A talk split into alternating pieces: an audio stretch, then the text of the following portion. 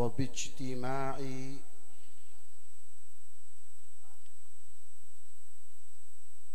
احتفالا لمولد حبيبه ومصطفاه وذكرى لوفاة عبد من عباده تتنزل الرحمات والبركات. والصلاة والسلام على سيدنا وحبيبنا وشفيعنا وقرة أعيننا محمد.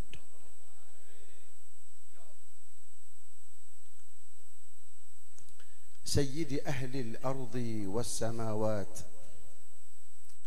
وعلى آله وأصحابه السادة القادات.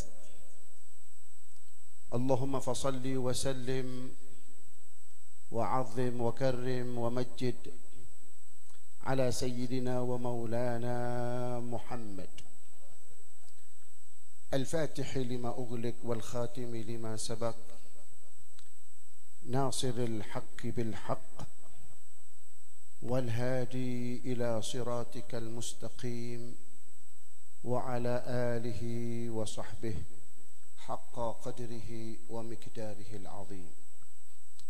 سبحانك لا علم لنا إلا ما علمتنا إنك أنت العليم الحكيم. رب اشرح لي صدري ويسر لي أمري واحلل عقدة من لساني يفقه قولي وسدد لساني واهد قلبي بحق سيدنا ومولانا محمد والصحب والآل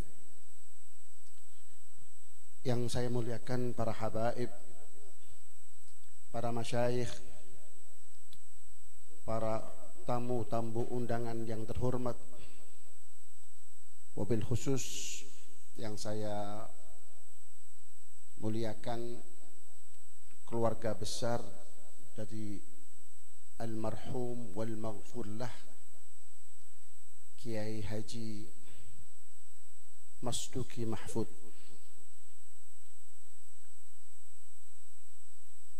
Ma'asyiral hadirin hadirat rahimakumullah.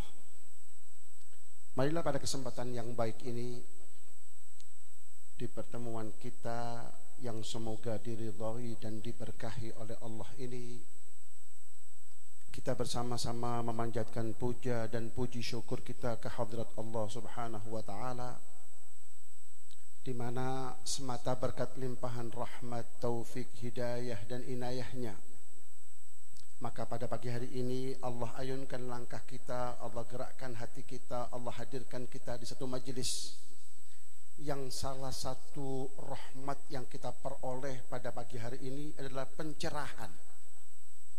Pencerahan yang luar biasa. Dari seorang kiai yang kita akui keilmuannya. Dan lebih daripada itu komitmen kesunahannya.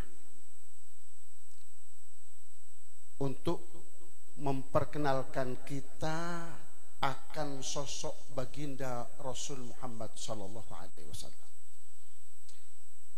Mestinya kita perlu uraian yang lebih panjang lagi. Sebab dalam realita dan kenyataan setelah sepeninggal Rasul Muhammad sallallahu alaihi wasallam 15 abad yang silam masih banyak umat yang gagal faham terhadap sosok pemimpinnya. Masih banyak umat yang gagal faham terhadap siapa itu baginda Rasul Muhammad wasallam.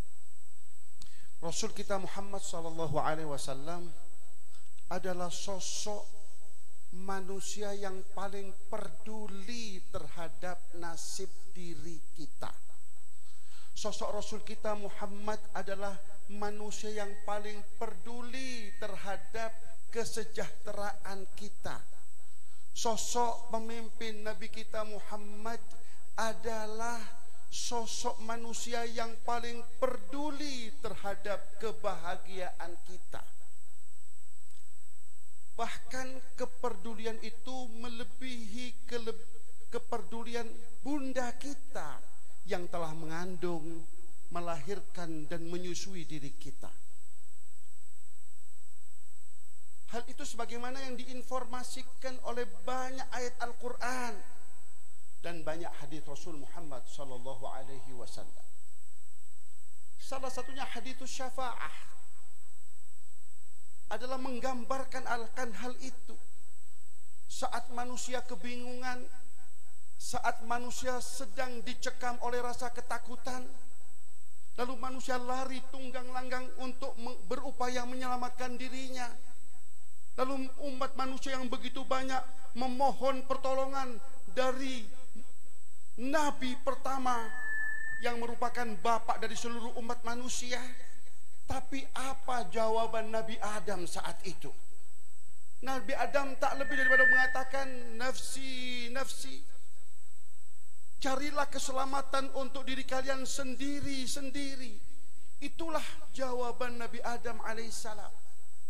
Begitu pula tatkala kemudian Nabi Adam mengarahkan agar manusia mendatangi Nabi Allah Nuh alaihissalam karena Nabi Allah Nuh dalam sejarah kehidupannya punya pernah punya kiprah menyelamatkan umatnya dengan perahunya yang sangat terkenal itu. Lalu kita berupaya, manusia berupaya siapa pun kita saat itu, kita berusaha berupaya untuk mencari keberadaan Nabi Allah Nuh dan itu bukan hal yang mudah. Padang mahsyar yang gelap gulita.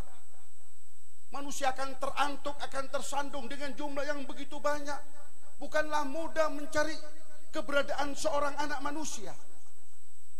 Namun setelah kita dapatkan dan kita kemudian memohon dan memohon apa kata Nabi Allah Nuh alaihissalam saat itu?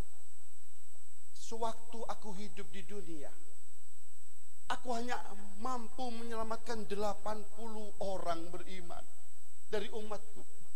Bahkan itu tidak termasuk putraku sendiri Kanaan. Maka bagaimana mungkin aku menyelamatkan kalian yang begini banyak? Yang jumlahnya bermiliar-miliar itu. Aku nggak sanggup. Carilah keselamatan diri kalian sendiri-sendiri. Maka jawaban Nabi Allah Nuh AS saat itu. Nafsi, nafsi, nafsi, nafsi. Carilah keselamatan itu diri kalian sendiri-sendiri. Lalu beliau mengarahkan, hendaknya kita mendatangi Nabi Allah Ibrahim. Tapi seperti itu, saat kita dengan susah payah mendatangi Nabi Allah Ibrahim, apa yang terjadi? Jawaban Nabi Ibrahim tak lebih daripada jawaban Nabi Allah Adam dan Nabi Allah Nuh alaihi salam. Nafsi, nafsi. Demikian pula tatkala beliau mengarahkan agar kita mendatangi Nabi Allah Musa alaihi salam dengan segala predikatnya itu. Ternyata predikat yang disandang oleh Nabi Allah Musa sebagai kalim Allah tak cukup mampu untuk menyelamatkan umat manusia saat itu. Jawaban beliau, nafsi, nafsi.